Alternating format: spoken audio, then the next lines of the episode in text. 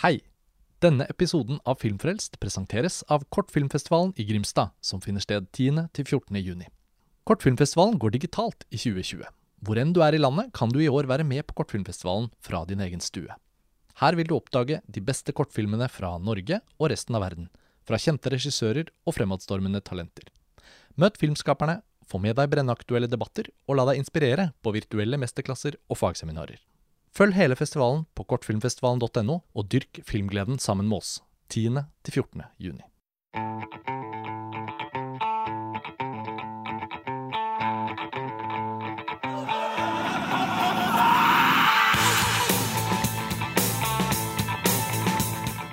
Hei og velkommen til en ny episode av Filmfrelst, podkasten fra filmtidsskriftet montasj.no. Mitt navn er Karsten Meinick, og vi er fortsatt på den alternative Cannes-festivalen.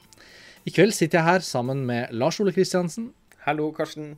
og Erik Vågnes. Hei, Erik. Hei sann, Karsten. Og nå skiftet jeg litt sånn stemmeleie, fordi det er så veldig lenge siden vi har hatt med deg på Filmfrelst. Og det er en stor glede at du er med igjen. Ehm, vi har regnet ut at det er sånn seks-sju år siden forrige episode du var med på, men du er jo jevnt og trutt bidragsyter med tekster, artikler på montasje. Så ehm, vi har vel blitt enige om at vi må starte litt med deg, og kanskje rett og slett høre litt om hvor du er, og hva du tenker, og hvordan du har eh, hatt det med denne alternative Cannes-festivalen. Jo, jeg sitter jo oppe i Ålesund og følger med, og eh, snubler jo over forslaget deres om alternativ Cannes-festival.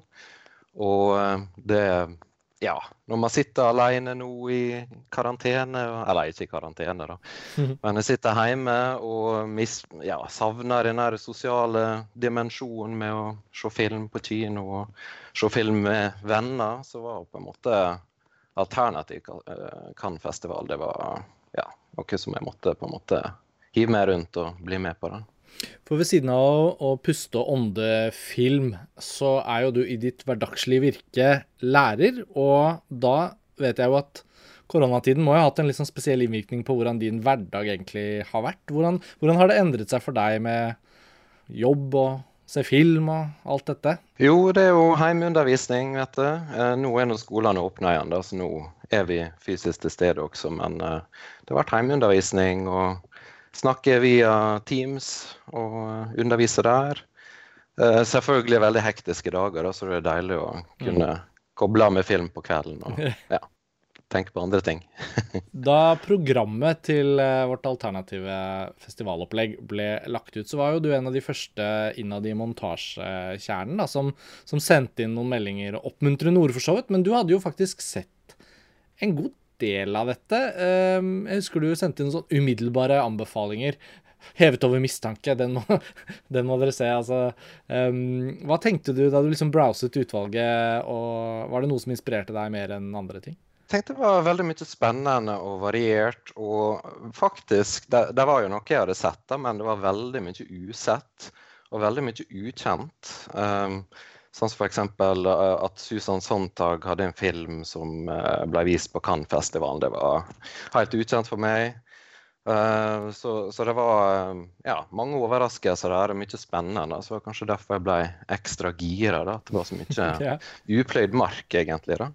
Vi er jo samlet nå i kveld for å, å snakke om spesifikke ting, men, men du har jo sett film. Eh, bare fulgt festivalen og sett en del. Hva, hva var det liksom som Hvor starta du? Tenkte du sånn Hvilken er den korteste filmen? Den er lettest å få sett? Eller, eller var det sånn Hvilken er det største hullet, på en måte? Uh, nei, det var det som var tilgjengelig på strømmetjenester som jeg hadde tilgang til. Og så Mm. kasta jeg meg rundt og, og bestilte inn en del fysiske format. Og så er det selvfølgelig nå, uh, nå så går posten litt treigere, og ting tar litt lengre tid i posten. Så det var litt sånn ventetid på å få det. Eh, så det var jo litt sånn prioritere det som eh, egentlig man hadde tilgang på først. da.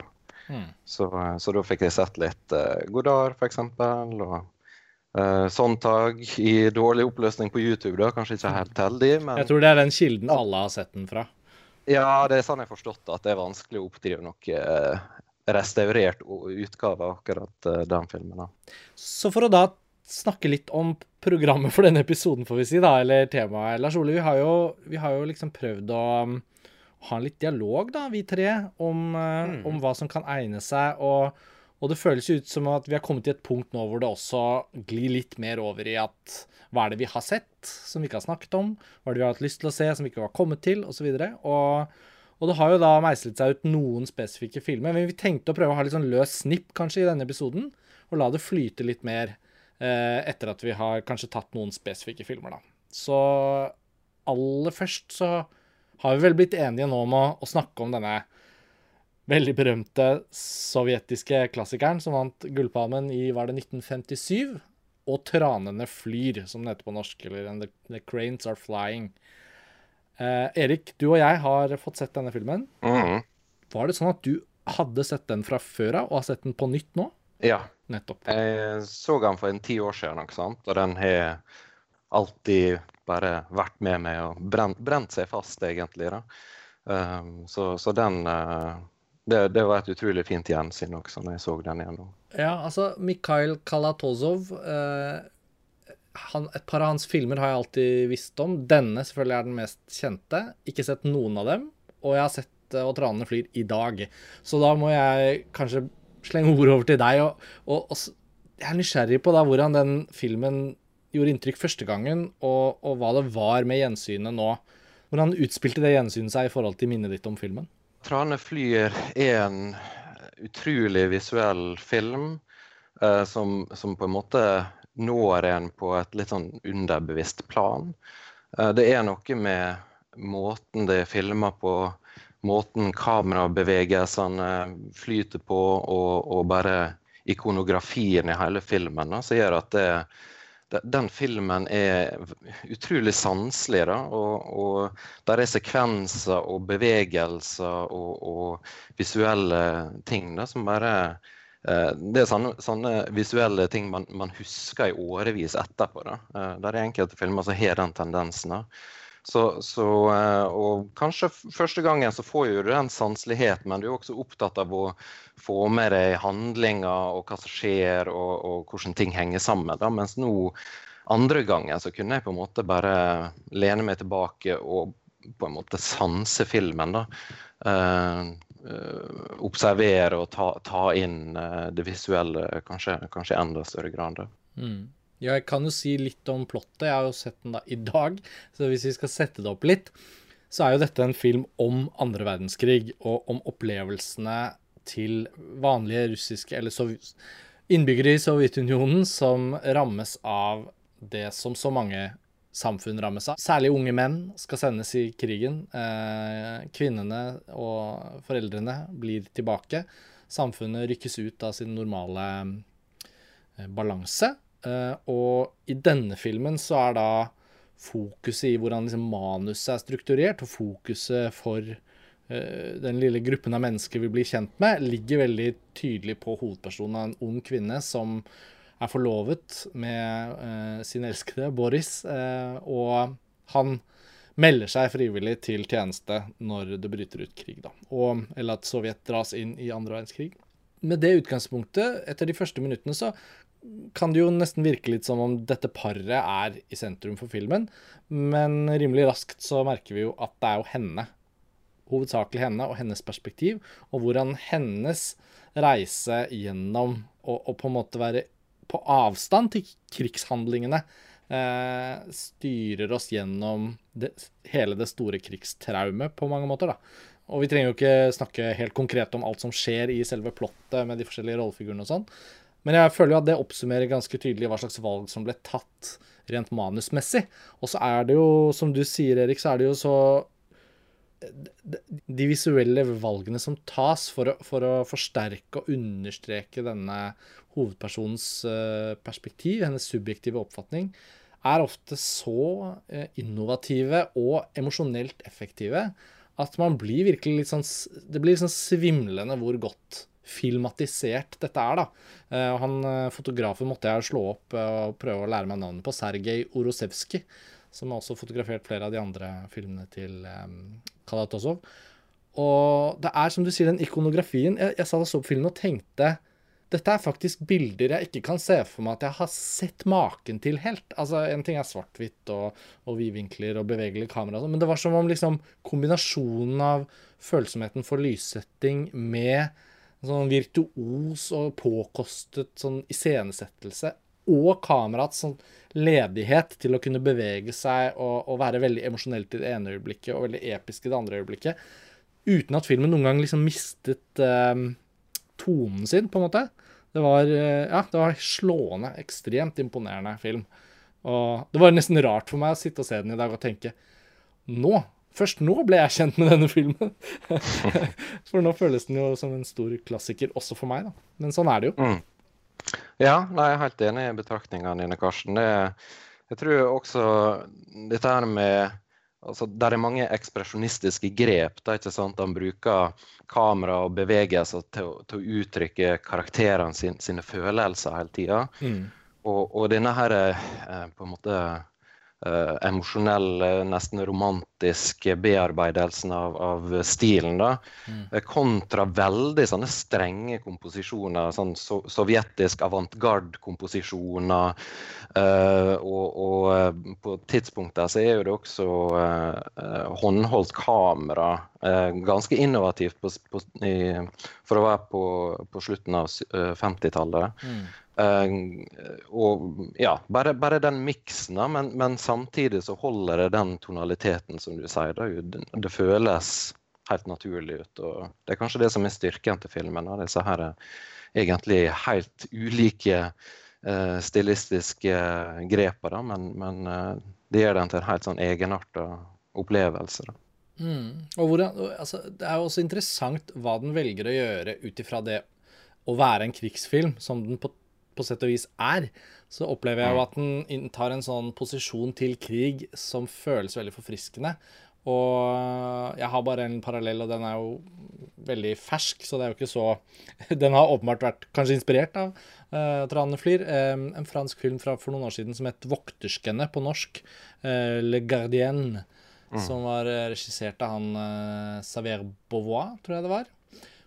Og den er en første verdenskrigsfortelling hvor hele historien observeres ut ifra kvinnene som blir igjen. da. Så vi får nesten ingen slagscener eller noe, men vi følger bare de forskjellige Uh, unge jentene, kanskje kjærester, unge koner og mødrene, og hvordan de liksom holder en sånn Særlig i sentrum for fortellingen så er det en sånn gård som skal holdes liksom gående.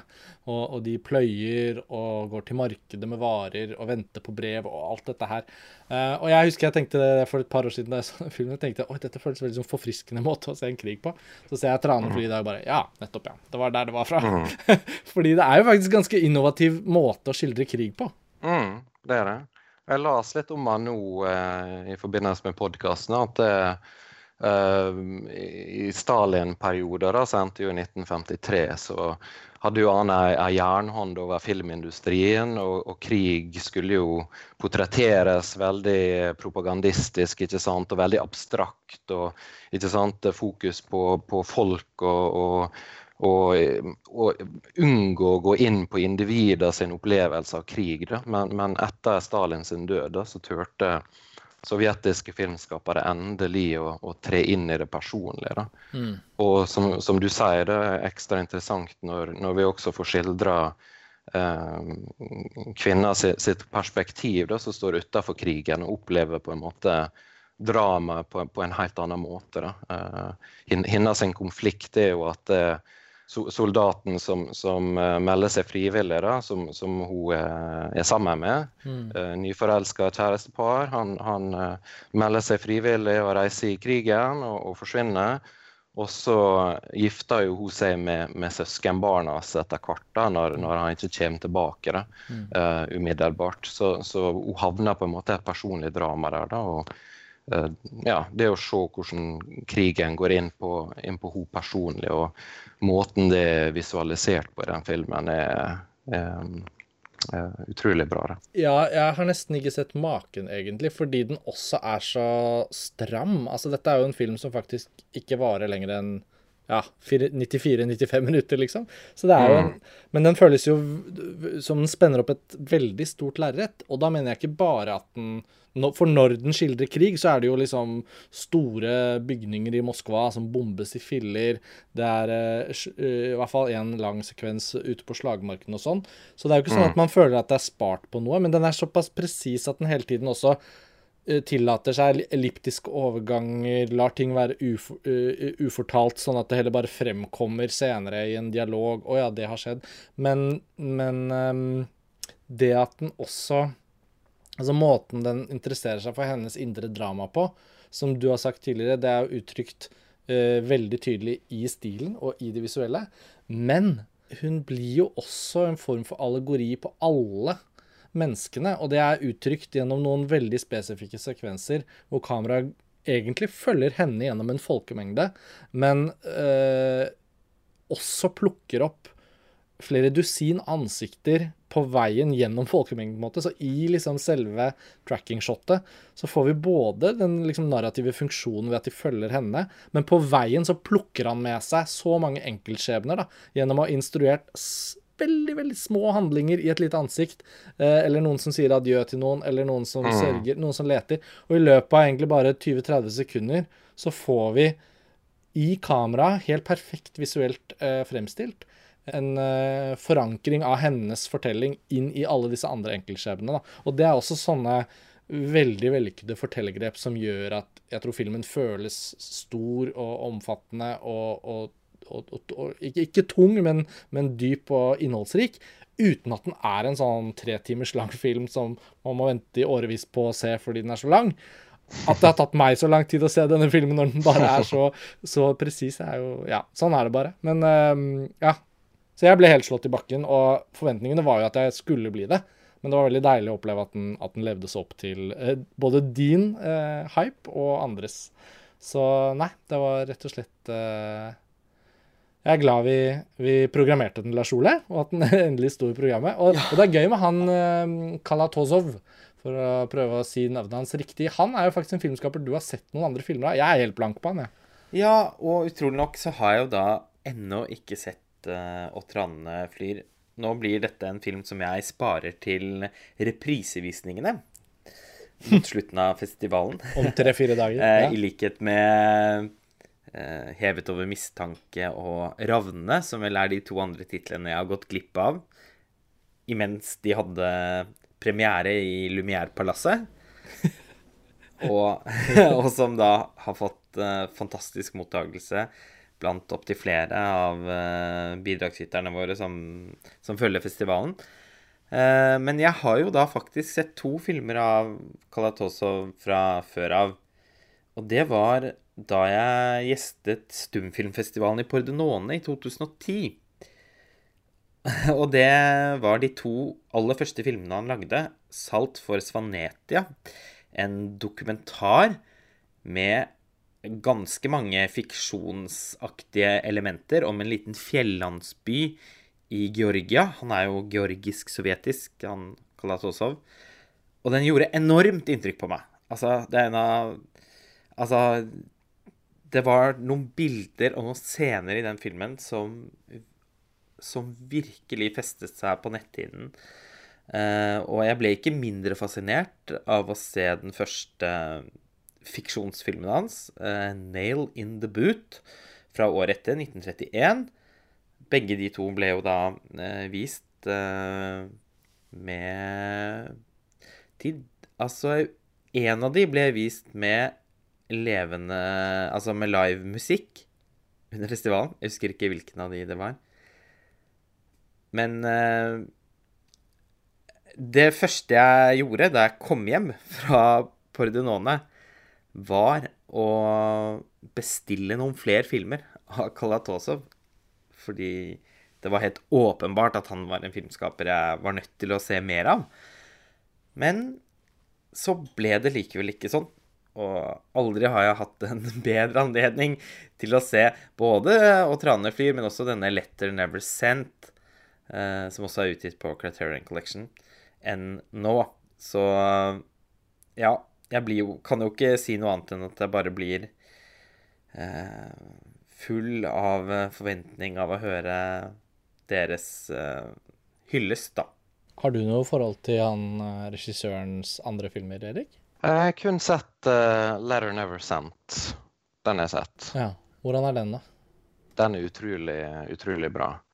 Uh, den er kanskje ikke like sånn skjør og, og fin uh, og poetisk kanskje som 'Tranene flyr', da, men Uh, så vidt jeg husker, så er handlinga om uh, noen geologer som er uh, på en måte stranda i, i Sibir, da, og, og, på en måte deres kamp mot naturen og ja, kamp for overlevelse. Da. så det er en utrolig sånn ja, de har samme visualitet og samme virtuose visualitet, da, men, men kanskje en litt annen tonalitet enn en Trane flyr. Men utrolig bra, den også. Den filmen er vel også veldig kjent for et spesifikt kameraarbeid sitt, er den ikke det? Jo, det, det tror jeg. Uh, og det er vel også 'Tranen flyr', tror jeg, eh, en, enkeltsekvenser der. Så uh, det er utrolig mye nyskapende. Og jeg tror den I Am Cuba også Jeg har ikke sett den, da, men der også er det noen utrolig nyskapende uh, både kamerabevegelser og komposisjoner, så vidt jeg vet om det. Jeg tror ikke jeg har noen flere ting å si om Trane flyr, uten å liksom kanskje avsløre da plottet litt, da. Fordi det vil jo være den naturlige veien videre, Erik. Å liksom prøve å diskutere seg videre ned i ja. nettopp hvordan de forskjellige skjebnene blir skildret og sånn. Men det er jo mm. Vi har vel liksom hatt det litt som en tradisjon nå den siste uka å ikke, ikke snakke filmene helt i hjel, men, men prøve å skape um, en gjennomgang av festivalprogrammet som etterlater også lytterne lytterne med en mulighet til å kunne se filmene. Da. Men hvis vi skulle liksom avslutningsvis trekke opp noen siste um, poenger rundt denne filmen, så i hvert fall fra min side så ville jo det vært egentlig at filmen også har en form for Altså, den føles jo veldig sovjetisk på en eller annen merkelig måte, da. Uh, den er jo patriotisk, og, og, og den tar, inntar noen sånne standpunkt i forhold til både patriotisme og, og lojalitet og, og familie, altså storfamilien, da. Den nasjonale familien, på en måte.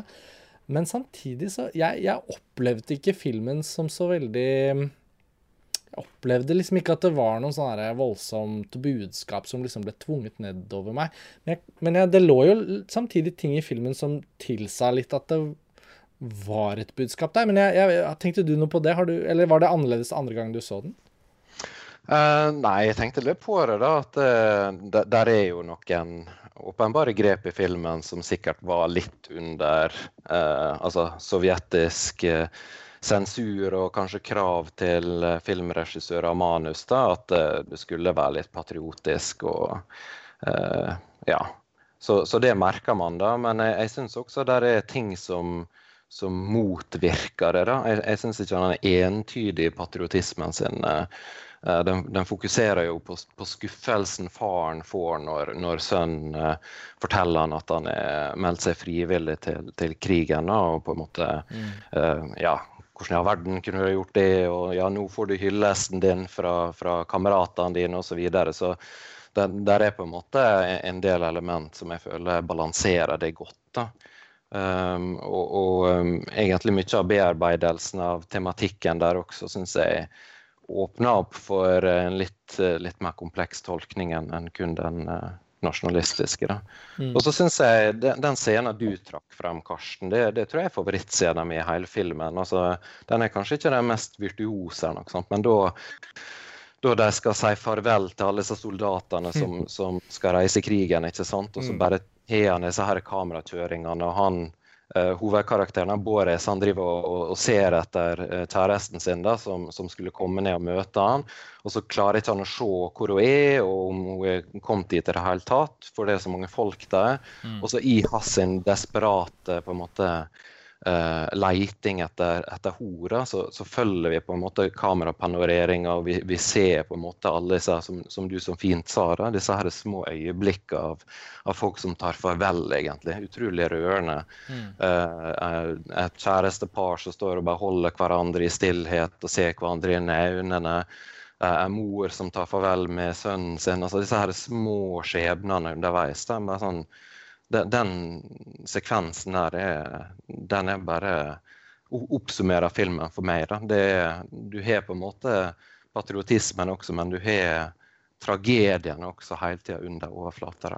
Ja, og, og, og, bare det å snakke om sånne sekvenser er jo det som i hvert fall gir meg en klart inntrykk at det er en film man kommer til å ha et forhold til. I hvert fall for min del nå blir det jo veldig naturlig å tenke på denne filmen som et utgangspunkt for en veldig spennende form for referanse, eller et eksempel man kan bruke i undervisning, eller Altså, den har jo noen sånne klokkeklare eh, Altså noen klokkeklare eksempler på det man alltid prøver å snakke om. Altså prøve å sette fingeren på hva er det som gjør at film er sitt eget Uh, altså, Vi vet jo selvfølgelig at det er sin egen kunstform, men hva er det helt spesifikke man mener når man sier at man skal fylle bildene og kameraets funksjon overfor uh, det som fins der, og, og, få det til å være nettopp alt det man vil at det skal være? da. Være fortellende, være emosjonelt, være uh, uttrykksfullt på en måte som bare et filmbilde kan være, fordi det er i bevegelse. Det er liksom virkelig destillert i noen særlige sekvenser i denne filmen, og den vi snakker om nå, føltes som et, eh, et veldig rent eksempel. Så Nei, det blir gøy å, å, å, ta med seg denne filmen videre. Jeg gleder meg til vi skal snakke om den, Lars Ole. Kanskje du rekker å si noen ord om den i en slags oppsummeringspodkast på slutten av festivalen? Ja, jeg antar jo at vi kommer til å lage en eller annen slags oppsummeringsepisode der vi løfte fram favorittene fra festivalen og sånn. Så innen den tid så skal jeg absolutt ha rukket å se filmen. Så jeg vil egentlig bare avslutte med å da si til lytterne at denne filmen, den er det jo absolutt mulig å se. Dette er jo ikke en av de fryktelig utilgjengelige, vanskelige filmene som vi tilfeldigvis har på hylla fordi vi har gjort et obskurt kjøp en eller annen gang. Dette er jo en film som er blitt restaurert. Den er utgitt både i Storbritannia og i USA da, av The Criterion Collection. Den fins på strømmetjenesten Criterion Channel.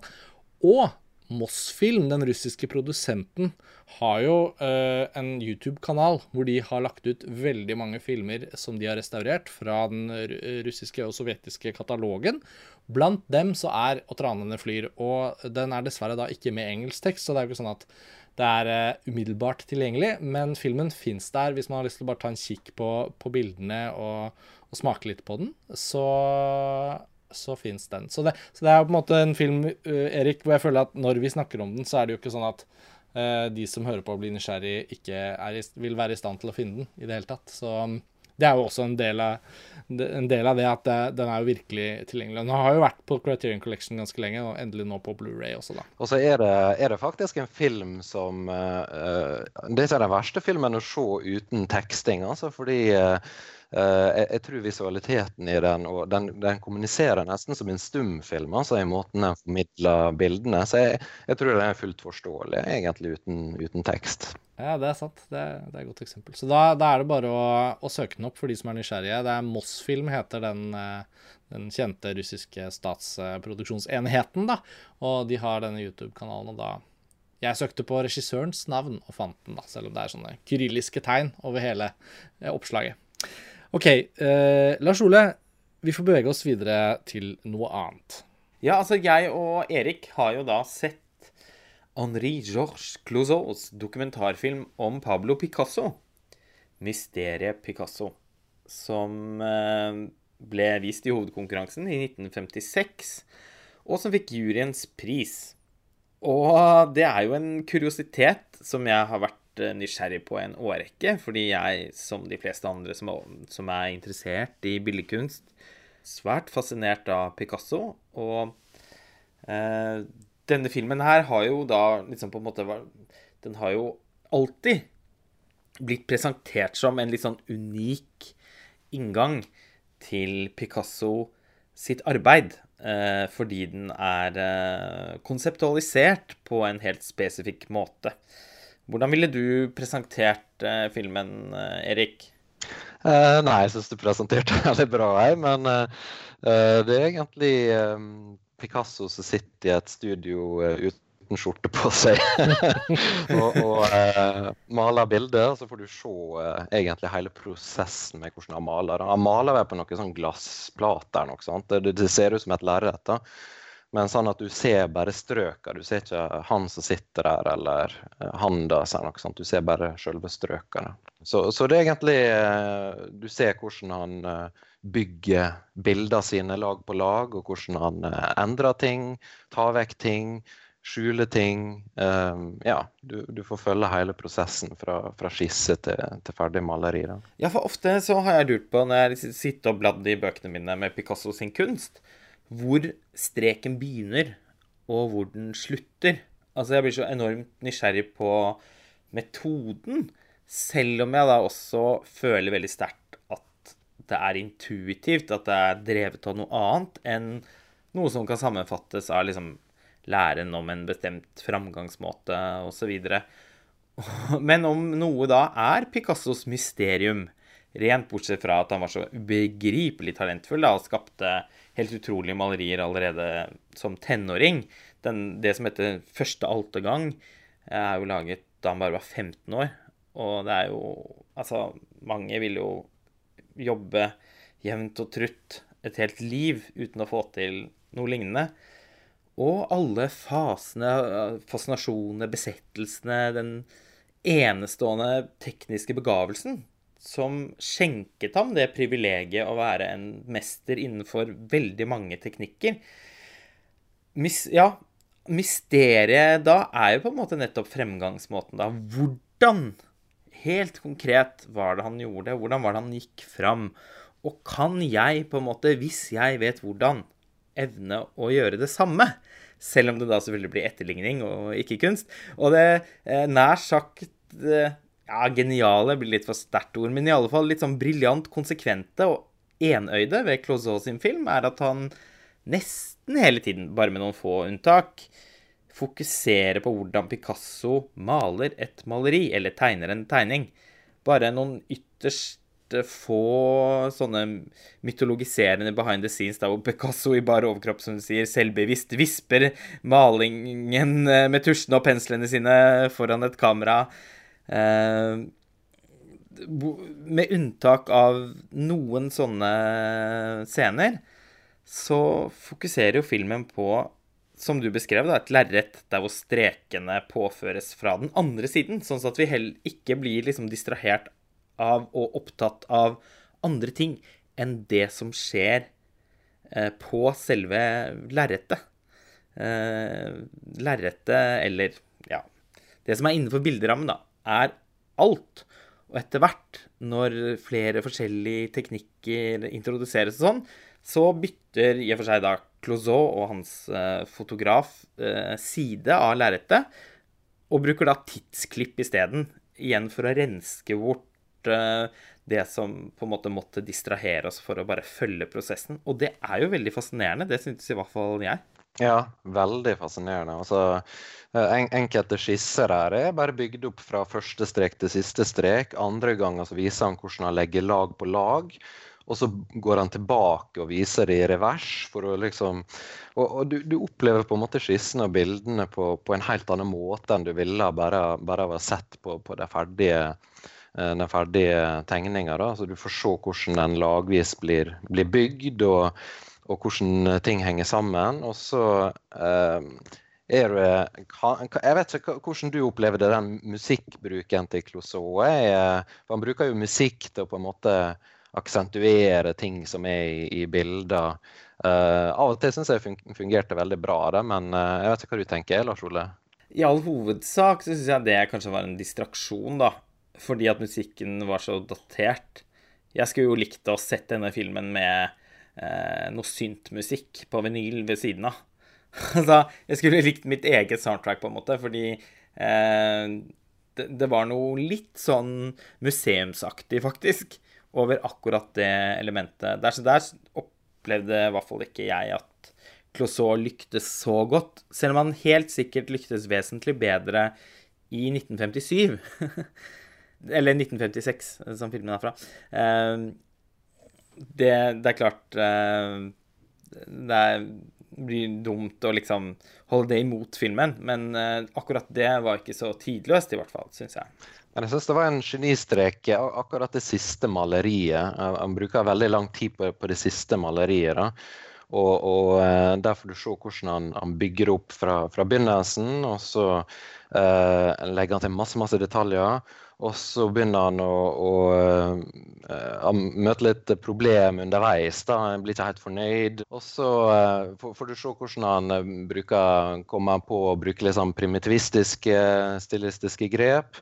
Uh, og så plutselig, plutselig, skal han klasje på litt sånn kollasj og lime på litt sånn papirark, og så begynner han å snakke til tilskueren. Ja, uff, nei, nå uh, støtter jeg på litt problem. Er, er, det, er det, galt? Uh, er det et problem? Nei da, jeg bare går tilbake. Og så hvisker han, og så begynner han på nytt. og så så det blir på en måte ak Akkurat i den siste maleriet da, så ble det nesten som at maleriet var en, en film. Fordi motivet endra seg, og, og, eh, personene og relasjonene i, i bildet endra seg og ble ulikt ut ifra hvordan, hvordan, prosessen ble. Da. Uh, så jeg syns det var litt sånn artig, artig grep på, på, slutten der. Da. Ja, jeg syns også det var filmens høydepunkt. Å bare se hvordan det verket ble bygget opp, og så revet ned og så utvidet, og så innskrenket. Og så, altså eh, Jeg vet ikke om noen av dere gikk på sånn tegne- og malekurs. Jeg var veldig glad i å tegne og male da jeg var barn, og gikk et halvt år på en sånn kurs, og det var ikke noe bra. For der fikk man veldig sånn eh, opplæring i at det var veldig viktig å ha en tydelig idé om hva man skulle skape med en gang. Og da skulle man bruke kullstiften eh, for å risse opp eh, det. Og så var det veldig viktig å holde seg til den opprinnelige ideen. For hvis man kom på nye ting underveis og begynte å legge på ting og trekke fra ting eventuelt og sånn, så ble alt bare brunt, eh, fikk vi vite. Og det er jo ikke sant, åpenbart. Og Picasso sin eh, Denne sekvensen i, i Picasso-dokumentaren er jo et kjempeflott eksempel på nettopp det, da. Det er jo helt åpenbart at ikke alle Picasso-verk har blitt til på den måten som han fokuserer på i filmen, som da er en veldig sånn intuitiv eh, fremgangsmåte. Men eh, tross alt så skjønner man jo at nok ganske vesentlige deler av kunstnerskapet hans eh, springer ut av en sånn innfallsvinkel, da.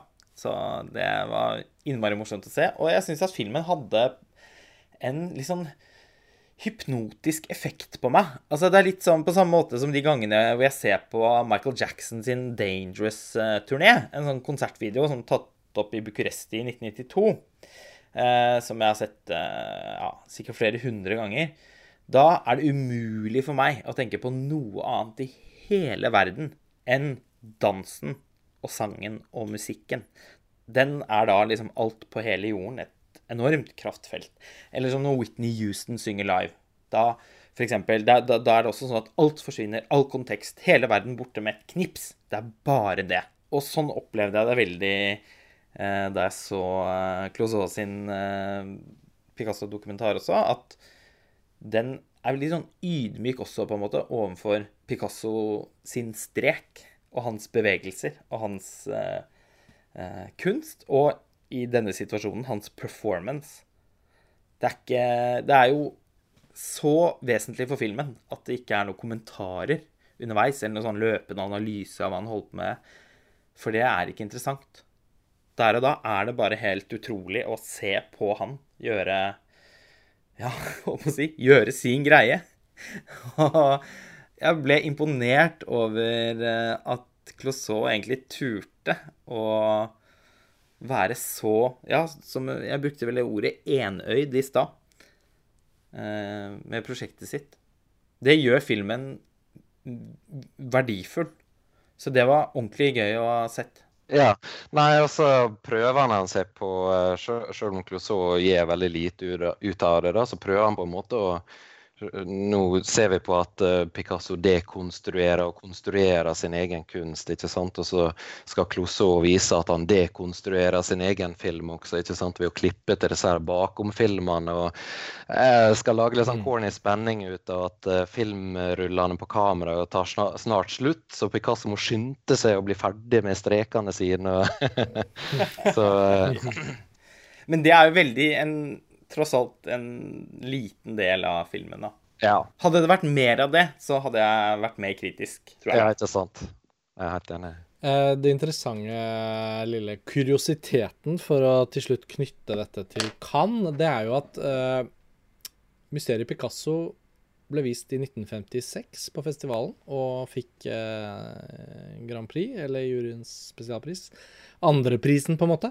Og Gullpalmen det året gikk jo da til Den tause verden av Jacques Cousteau og Louis Malle.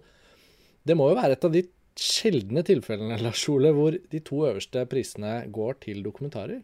Ja, altså Cannes er jo på ingen måte kjent for å fokusere på dokumentarfilm. Tvert imot er det jo ofte oppsiktsvekkende få dokumentarer i de fire hovedprogrammene i Cannes. Så det, det er eh, Altså, jeg kan ikke forestille meg at det kommer til å skje igjen, faktisk. Og en annen morsom trivia-informasjon, det er det eneste jeg kan bidra med nå, da, det er at uh, Mysteriet Picasso er klippet av Henri Colpi, som uh, senere ble regissør og vant Gullpalmen i 1961 for The Long Absence, eller Unosi si Long Absence.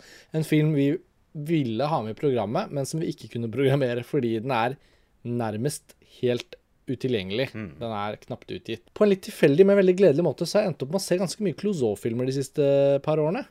Og han har jo blitt en filmskaper jeg har egentlig blitt ganske glad i. Mysteriet Picasso er jo da er jo da også en prioritet for meg nå i løpet av festivalen. Og det høres jo veldig spennende ut. Så kunstneriske prosesser som skildres på film, er jo strengt tatt alltid ganske spennende. Hvis man først er interessert i den slags. Og det tror jeg vi alle er. Um, Erik, jeg er bare også litt sånn nysgjerrig liksom, på å grave litt sånn videre i ting du har sett. Kan jo hende det overlapper med noe uten at vi har planlagt så voldsomt. Hva, hva fikk du ut av den uh, Susan Sontag-filmen, f.eks.? Den, uh, den har allerede vært oppe i podkasten. Altså, jeg har ikke sett den selv, men, men uh, Roskva Koritsinski hadde jo sett den og var ikke særlig begeistret. Nei, jeg var nok ikke særlig begeistra, heller. altså. Uh, ikke at, ikke at, jeg leste veldig mye av Susan Sontag da, sin filosofi og ja. Men uh, så vidt jeg forstår det, eller altså, Duett for, for kannibaler altså, Det var hennes forsøk på å lage en film som ikke skal kunne tolkes, på en måte, eller som skal være fri for Altså, du, det du ser, skal være litt sånn direkte. da, At du, du ikke trenger lag på lag med uh, metaforer og abstrakt tankegang for å på en måte forstå filmen. Da. Men jeg veit ikke. Altså, jeg følte den var Jeg følte den var veldig traust. Og uh, selv om den er litt morsom på begynnelsen, da, uh, men det føles ut som hun prøver seg på en slags Bergman Ingmar Bergman-film, men altså der, der, er ingen spennende visuelle ideer, syns jeg. Da, og selve handlinga også blir for uh, uinteressant for meg. Da. Jeg, jeg, fikk ikke så veldig mye ut av rett og slett det som skjer. Da, og når, når det også er på en måte litt sånn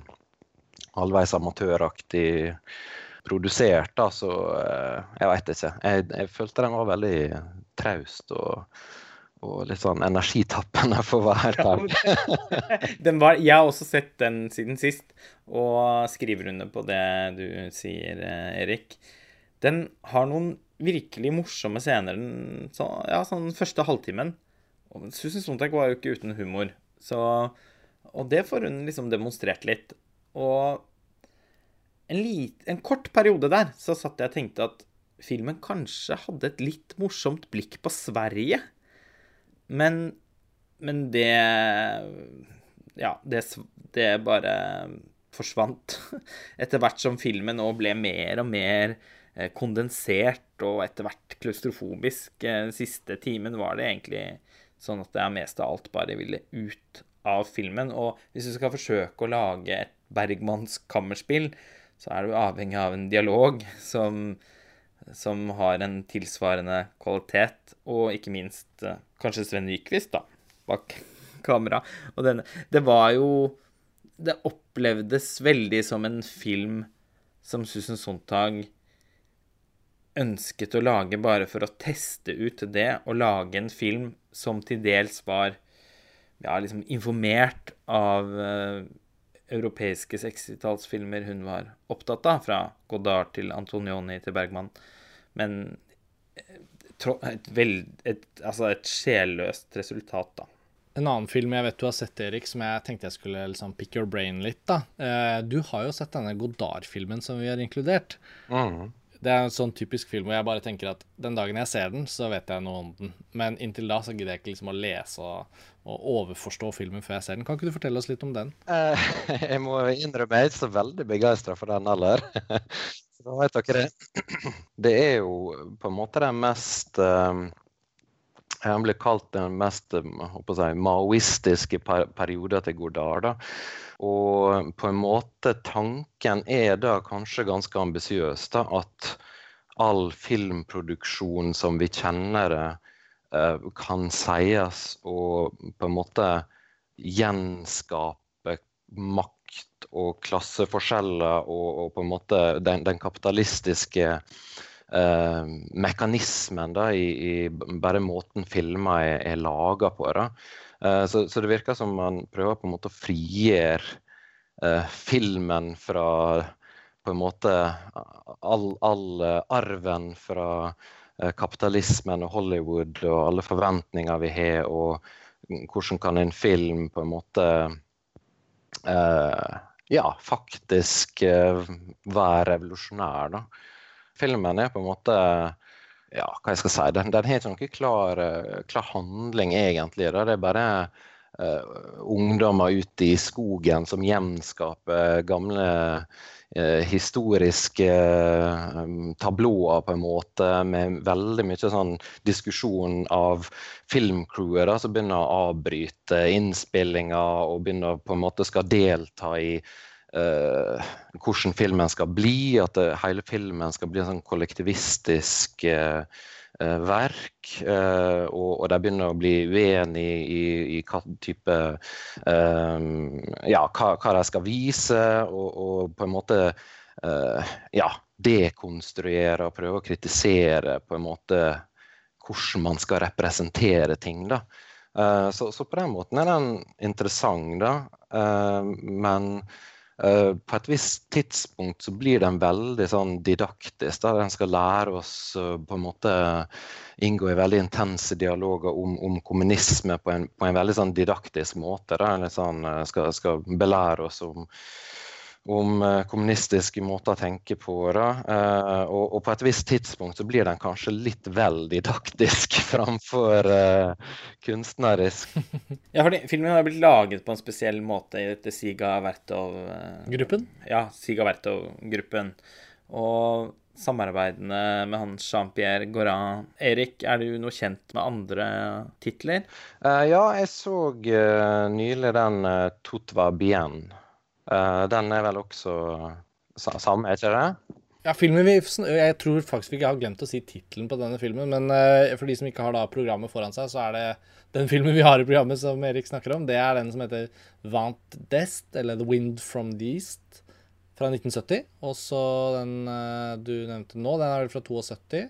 Ja, så er det jo en litt sånn spesiell periode av Godards liv, på en måte. Han Uh, blir utsatt for en sånn bilulykke og, uh, og mister troen på den kunsten han har laget forut for 1967. Mer eller mindre, i alle fall. Så Forløperen til dette der er vel den som heter La Chinoise, som er en film jeg liker godt. Altså, Har du sett den, Erik? Nei, den har jeg faktisk ikke sett. Nei. I den grad Godard som en liksom eksportvare Eh, for fransk film opphørte litt på 70-tallet, så returnerer han jo med delvis full kraft på 80-tallet. Eh, med filmer som Slow Motion, Passion, Prenom Carmen Ja, og, og, og, jeg må innrømme at uh, Og Hail Mary, ikke minst. Ja. Ja, ja, jeg skulle til bare si at det å se et par av de 80-tallsfilmene til Godard som vi har holdt på med litt det siste året, det har egentlig vært hovedinspirasjonskilden min for å ønske å se disse Dziga Vertov-gruppefilmene. Rett og slett bare for å liksom ha et litt sånn tydelig bilde av broen mellom eh, alle de utrolige filmene i den veldig kreative perioden, og produktive perioden, fra De siste åndedrag i 1960 til La Chinoise og Weekend i 1967. Mm.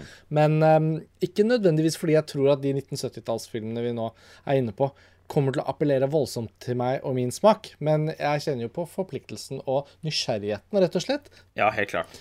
Selv om det kanskje ikke var en voldsom anbefaling, Erik, du kom med nå, så jeg, nysgjerrigheten forblir. Og den uh, Tova Bien som du nevnte, var, var, den, var den, lik, syns du? På noen måter, da. Den, den tar opp samme, samme ideene på, på, en måte, men den, den er litt mer um, uh, Den er litt mer strukturert, og den er ikke så friform som uh, Levante Aste. Eller, ja. Levante Aste, uh, prøver å gjøre noe helt nytt. Da. Så, så jeg vil absolutt anbefale folk å se den. Den er veldig interessant, men, men uh, kanskje ikke helt på topp for meg. Da, men, men den er in interessant som et filmisk verk, da, vil jeg absolutt si. Og koronatidmessig så, så må man jo skytes inn at Godard han er jo aktiv. Ehm, jeg vet ikke om dere har tatt en kikk på det, men Godard stilte jo opp på en sånn Instagram live-intervju nå i koronatiden fra sin uh, hule i Sveits. Og den er nå tekstet og lagt ut på YouTube. Det er 90 minutter lang samtale hvor han sitter og er Godard, da. Og det er jo fascinerende at han bare holder koken og, og er i live til å kunne kommentere på noe så fjernt fra 60- og 70-tallet som 2020 og pandemi og og social distancing og hva det måtte være. Um, Dette har jeg ikke fått med meg. Det er jo helt utrolig. Han har jo, boy, altså han har jo boikottet pressekonferansene i Cannes i en årrekke. Så dette er egentlig den første sånn litt sånn uh, åpne samtalen med Godard som ikke er en av disse Godard-filmene vi har sett de siste fem-seks årene. Ja, for det jeg føler sist gang jeg så han utenom uh, hans egne filmer, var jo da han dukket opp på Google Earth med kona si. Noen fant han i den byen i Sveits på Google Earth, uh, på, dis, på, på, Street View. Det siste veldig, veldig triste eh, bildet av Godard, som ikke var Godard, det var jo da slutten av Faces Places til Agnes Vareta. hvor hun skal ta med seg han unge medskaperen um, på, for å besøke hennes gode venn Jean-Luc i Sveits. Og så avtaler hun med han, og så dukker de opp, og så, så vil han ikke åpne døren, eller så har han bare dratt. Så står Agnes Varda der og bare 'Jeg trodde vi var venner'. og nå er Agnes Varda død, så det, det var litt sånn fryktelig. Ja. OK. Um, men det var Godard. Er det noe annet du har sett Erik, som du har lyst til å trekke fram? Jeg vet at du faktisk har fått sett ganske mange filmer fra programmet. Jeg har også spionert, så nå tenkte jeg jeg har flere ting på listen. Ja, ja, ja. Får høre, Erik. nå, nå, som vi har deg. Nei, jeg så noe 'Ravnerne', da. Jeg vet ikke om du fikk sett den, Karsten? Eller? Nei, jeg fikk ikke sett noe. Det var nok litt samme årsak som Lars Ole ikke har sett 'Ranene flyr'. Så jeg kjente bare at uh, det er så åpenbart hvor god den er, og jeg har lyst til å se den i, i, i gode rammer. Og den mest konsentrerte filmtiden jeg hadde i dag, den brukte jeg jo da på å trane og flyr. Så da, da, blir det litt senere med ravnene. Vi har hatt et lite innlegg egentlig fra Roska om filmen, som var veldig eh, Det bare inspirerte veldig. Og Lars Ola har jo sett en annen Carlos Darula-film, men jeg er jo nysgjerrig på veldig nysgjerrig på å høre hva slags forhold du har til den. For det var et gjensyn du hadde med den, ikke sant? Mm, stemmer det. Nei, jeg likte den egentlig enda bedre, om mulig, fra, fra første gang jeg så den. Det, det, er en veldig fascinerende film om, om ei lita, jente. Det er jo Ana Torrent, hun som er med i 'Spirit of the Beehive', ble også nevnt. Um, i, som, som, var med i Carlos Saura sin film i 1975, året etter uh, Erice sin. Um, og her spiller hun ei lita jente som, som uh, har en uh, fascistisk far. Uh, som er litt sånn tyrann i huset og notorisk utro og egentlig en ganske fæl fyr. Og så ei veldig sånn god mor, da. Um, og det som, det som, er spesielt med filmen, det er at den på en måte Eh, er et litt sånn Bergmanns-drama om, om hennes forhold til, til, foreldre og til mora spesielt. da. Men så gjør han noen spennende grep. altså Han, går, han uh, viser oss på en måte tidlig i filmen at vi ikke kan stole på det vi ser. Uh, fordi vi blir vitne til at Ana uh, har fantasier om at hun flyger fra tak osv. Det, det blir tydelig at det, det, vi ser, kan være uh, fantasien hennes. Um, og, og, det får man til å forstå og oppleve filmen på en helt annen måte enn hvis du bare opplever den som uh, jeg, objektivt sett det du ser. da. Um, for, for, det er tydelig at det, det, det, er et barns perspektiv her. altså Uh, hun innbiller seg bl.a. at hun, uh, det er hun som har tatt livet av faren. Da. Faren dør, og, og hun innbiller seg at hun, har tatt livet av ham. Men du, du, får på en måte uh, for, Du forstår etter hvert at det, det er egentlig hennes fantasi. Da. Så, så, på den måten så um, Ja, kommer du veldig inn i huda på, på hun lille jenta. Hun er noe utrolig godt spilt av Juana Torrenta. Hun har et utrolig sånn slående ansikt og, og øyne. Altså, utrolig sånn uh, uh, ja, uttrykksfulle øyne. Da.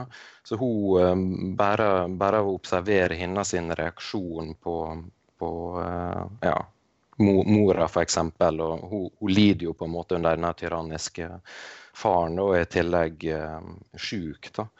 Um, så, så, det er en utrolig, utrolig sterk film, og, og, veldig interessant film. Ja, jeg føler den skal ses. Under festivalen, forhåpentligvis. Det er jo nesten utelukkende inspirerende for hver film vi snakker om, å ønske å, å, se dem. Er det ting du har sånn på lista fremover i dagene som kommer, Erik, som er ting du har bestemt deg for at nå skal du endelig få sett den eller den filmen? Nei, altså jeg bestilte litt filmer i fysisk format, da, så jeg fikk eh, den 'Birdie' av Alan Parker. Ja. Jeg bestilte egentlig litt sånn på, på måfå. Jeg satt ikke og gjorde veldig mye research. Da. Jeg hadde lyst til å bare kaste meg ut i og bare sjansle på filmer jeg egentlig visste veldig lite om. Da. Så, men den er, den er, faktisk Nicholas Cage i en av rollene. Mm. Uh, så, så det er det er interessant å se om, om den er noe om, om, den er bra, da. Ja, den er jeg nysgjerrig på. Den har jeg hørt så forskjellige ting om. Eh, jeg kjenner noen som syns den er sånn genuint undervurdert. Og jeg har også kommunisert med et par som har sett den underveis i vår virtuelle Cannes-festival, som syns at den var, som synes at den var eh, svært mislykket. Mm. Jeg har også hørt litt blanda, så jeg er litt spent på ja. Men Alan Parker er jo litt sånn underlig skrue. Han prøvde jo på Altså, da han var aktiv som filmskaper, så prøvde han jo på veldig mange forskjellige ting. Man må ofte Jeg er nok Det er nok ingen av filmene hans som virkelig betyr noe for meg. Men jeg er litt imponert over den spennvidden han demonstrerte. Og han er ofte veldig god på å lage karakterer. En kjempegod skuespillerinstruktør. Så jeg, jeg, jeg, kjenner litt sånn at uh, Og dette er vel den eneste liksom, vesentlige Alan Parker-filmen fra 80-tallet, i hvert fall. Og fra liksom gullalderen hans, som jeg ikke har sett. Og alle de filmene har jeg møtt med en sånn nysgjerrighet, altså. Og ingen av dem har vært uh, kjedelig å se, i hvert fall. Nei, den, eh, jeg, jeg, kan jo anbefale en Angel Heart. Den, den, den likte jeg veldig godt. Ja, den, den er veldig god. Ikke så Jeg syns ikke den er veldig god. For jeg syns også den er litt datert og litt tacky. Men jo, den er fascinerende, tross alt. altså virkelig et eksempel på at han prøver på masse greier som man på en eller annen måte er nødt til å uh, anerkjenne han for, da. Det er en ganske modig film, tross alt. Mm. Min eh, Alan Parker-favoritt er nok den Fame. Der syns jeg virkelig han eh, får demonstrert sine styrker som filmskaper. Og det er jo en litt sånn mainstream-film, som i og for seg mange av filmene han lagde, eh, var. Nå høres det ut som han ikke lever lenger, det gjør han, men han har ikke laget film siden den The Life of David Gale fra er det 2003 eller noe sånt nå? Er det, er det så lenge siden, ja. Nettopp. Ja. Mm. ja. Så, og han det, Jeg har også lest noen intervjuer med Alan Parker eh, vedrørende hvorfor han sluttet å lage film, og at det var en veldig sånn bevisst eh, handling, holdt jeg på å si. Altså, det var en avgjørelse han tok, for han opplevde at studiosystemet ikke lenger eh, ga han det rommet han trengte for å Ja.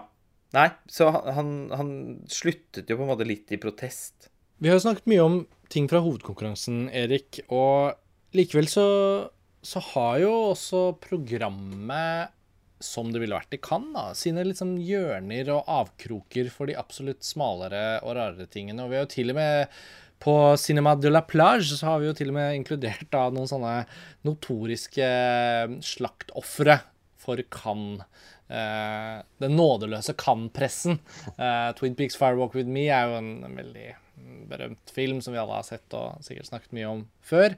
Men både Pola X til Leos Carax og Southland Tales til Richard Kelly er jo også inkludert i den seksjonen. Og jeg vet at både du og Lars Ola har jo sett Southland Tales.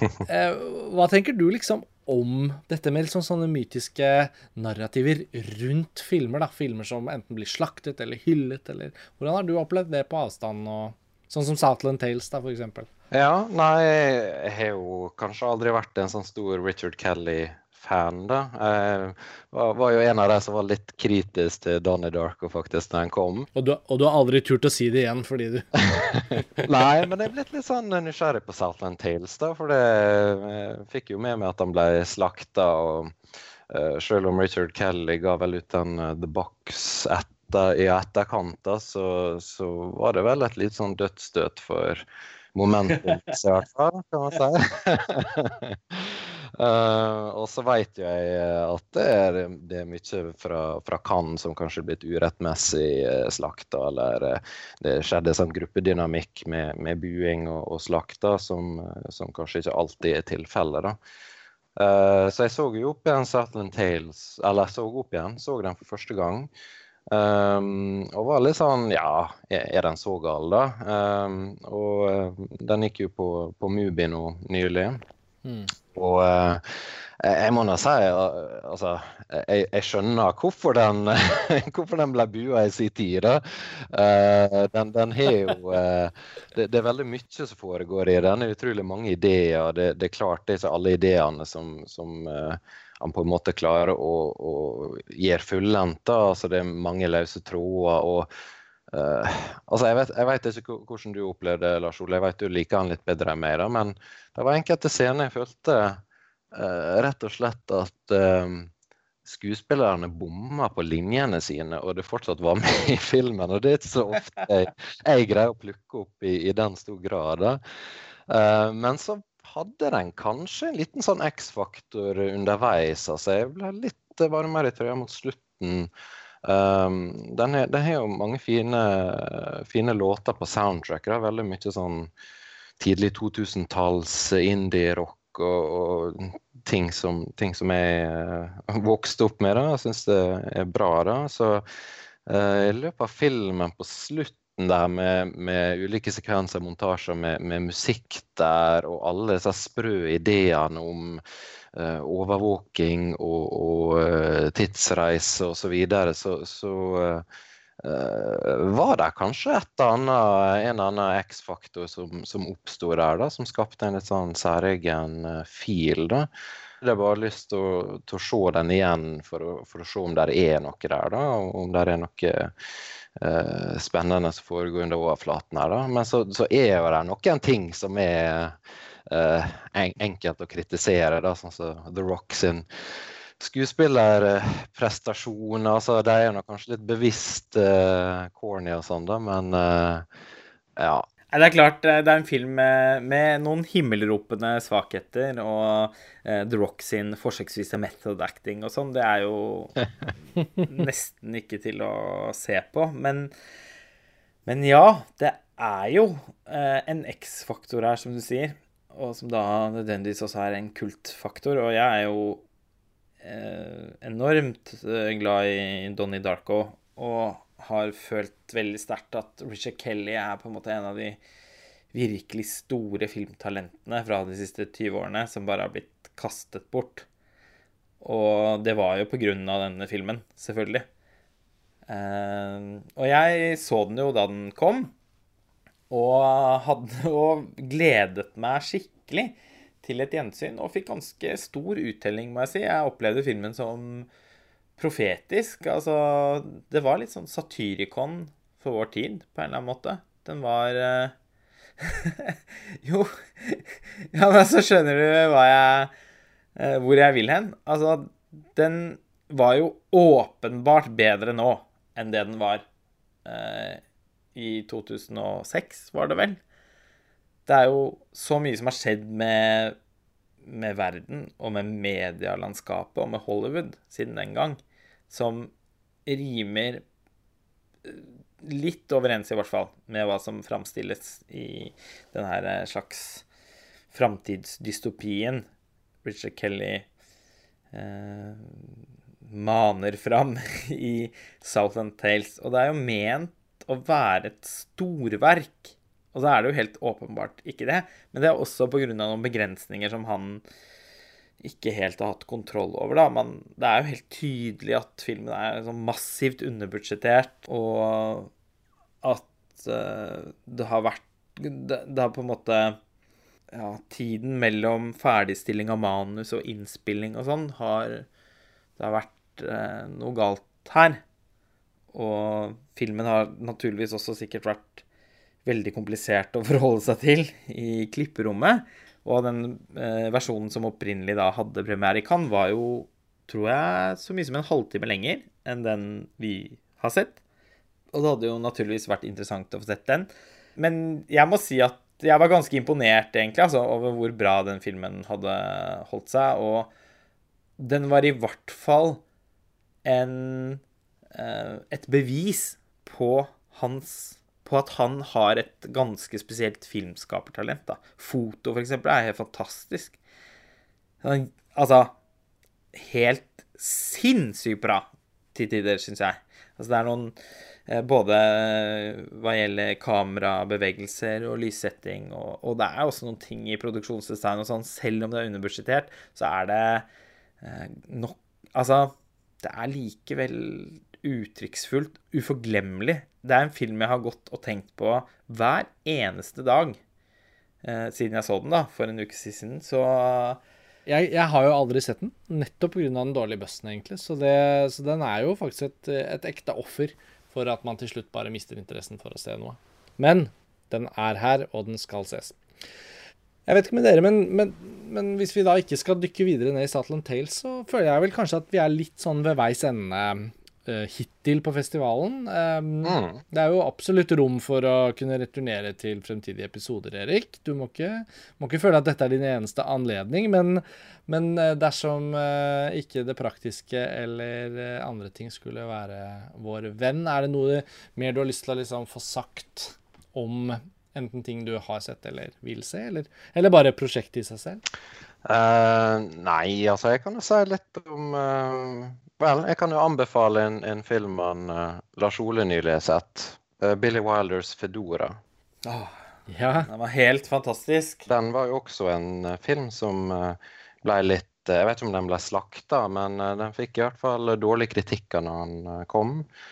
Og ja, jeg, jeg vil si den er Eh, ja, en, en, et utrolig viktig verk, egentlig, Billy Wilder sin filmografi, faktisk. Å bruke så sterke ord. Han har jo utrolig mange gode filmer, da, men uh, der er noe med Fedora, og måten han, han uh, inngår i dialog med, med, tidligere filmer på, som, uh, som føles veldig både ambisiøst ut, men, men, det funker også utrolig bra. Da. Så selv om det ikke var siste filmen hans, det burde jo det egentlig ha vært. da, For det, det føles så karriereoppsummerende uh, ut hele, hele verket. da.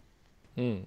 Nå som vi har eh, dette opptaket, så har jo ikke gårsdagens episode blitt publisert ennå, Erik. Men vi fikk faktisk snakket litt om Fedora, og eh, jeg har også sett den. Og um, kan bare slutte meg til mye av det du sier. Jeg var litt bitte litt lunknere enn Lars Ole i forrige episode, men, eh, men den, eh, den, vokser absolutt på meg. Og, og, som jeg sa da, og så kan jeg bare gjenta det, at jeg føler meg helt overbevist om at den filmen, nå som man har sett den, så føles den i hvert fall som en film som kan brukes til veldig mye. Den kan både brukes som et eksempel i samtaler om andre filmer, og, og den kan også brukes til å sette sette Billy Wilders filmografi i et litt mer sånn klart relieff, da.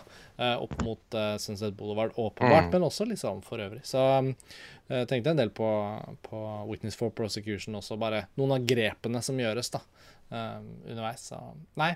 Fikk dere assosiasjoner til Vertigo? Nei, men altså, det er jo en sånn Pygmalion-mytefilm, så det er jo en åpenbar referanse. Og Hitchcock var selvfølgelig vanskelig å ikke tenke på. Jeg tenkte også en del på Marnie, men uh, Og så selvfølgelig Brian De Palma og Pedro Almodovar og Dario Argento. Det var jo noe sånn Giallo-aktig over filmen òg, som jeg virkelig elsket. Uh, jeg står på mitt. Gullpalmen så langt. Dessverre er den jo ikke i konkurranse, da. Så. Nei, men skulle vi kanskje avsluttet da, dere? Dette ble jo en ganske lang episode, men det var ganske mye å snakke om. Mm. Det må ikke gå seks år til neste gang du er på Filmfrelst, i hvert fall, Erik. Nei. Det kan vi jo si oss enig i nå. Nei, det er åpenbart. Selv om du er i Ålesund, så har jo koronatiden i hvert fall lært oss alle at digitale eh, digitale plattformer faktisk kan tas oftere i bruk. Og eh, vi har jo vært litt sånn eh, aldri mer Skype, ettersom Filmfrelst i mange år bare ble tatt opp på Skype uh, tidlig på Ah, ja. 2010-tallet. Så prøvde vi liksom å komme oss litt vekk fra det, men nå har vi jo funnet en metode hvor det egentlig fungerer ganske bra, da. Mm. Og vi håper at uh, lyttekvaliteten også holder mål for dere som hører på. Uh, Lars Ole, vi skal jo straks tilbake med nye episoder fra den alternative festivalen. Yes. Og så får vi håpe at du er snart tilbake, i hvert fall, Erik. Om det blir nå eller på et annet Mm. tema. Så er vi i hvert fall veldig glad for å ha hatt deg med. Og ønsker deg bare en god festival videre. Og lykke til med de filmene som kom i posten i dag. Spent på å høre hva du syns om de. Takk for det. Ja, Så snakkes vi snart igjen. Det. Ha det bra, alle sammen. ha det. Ha det.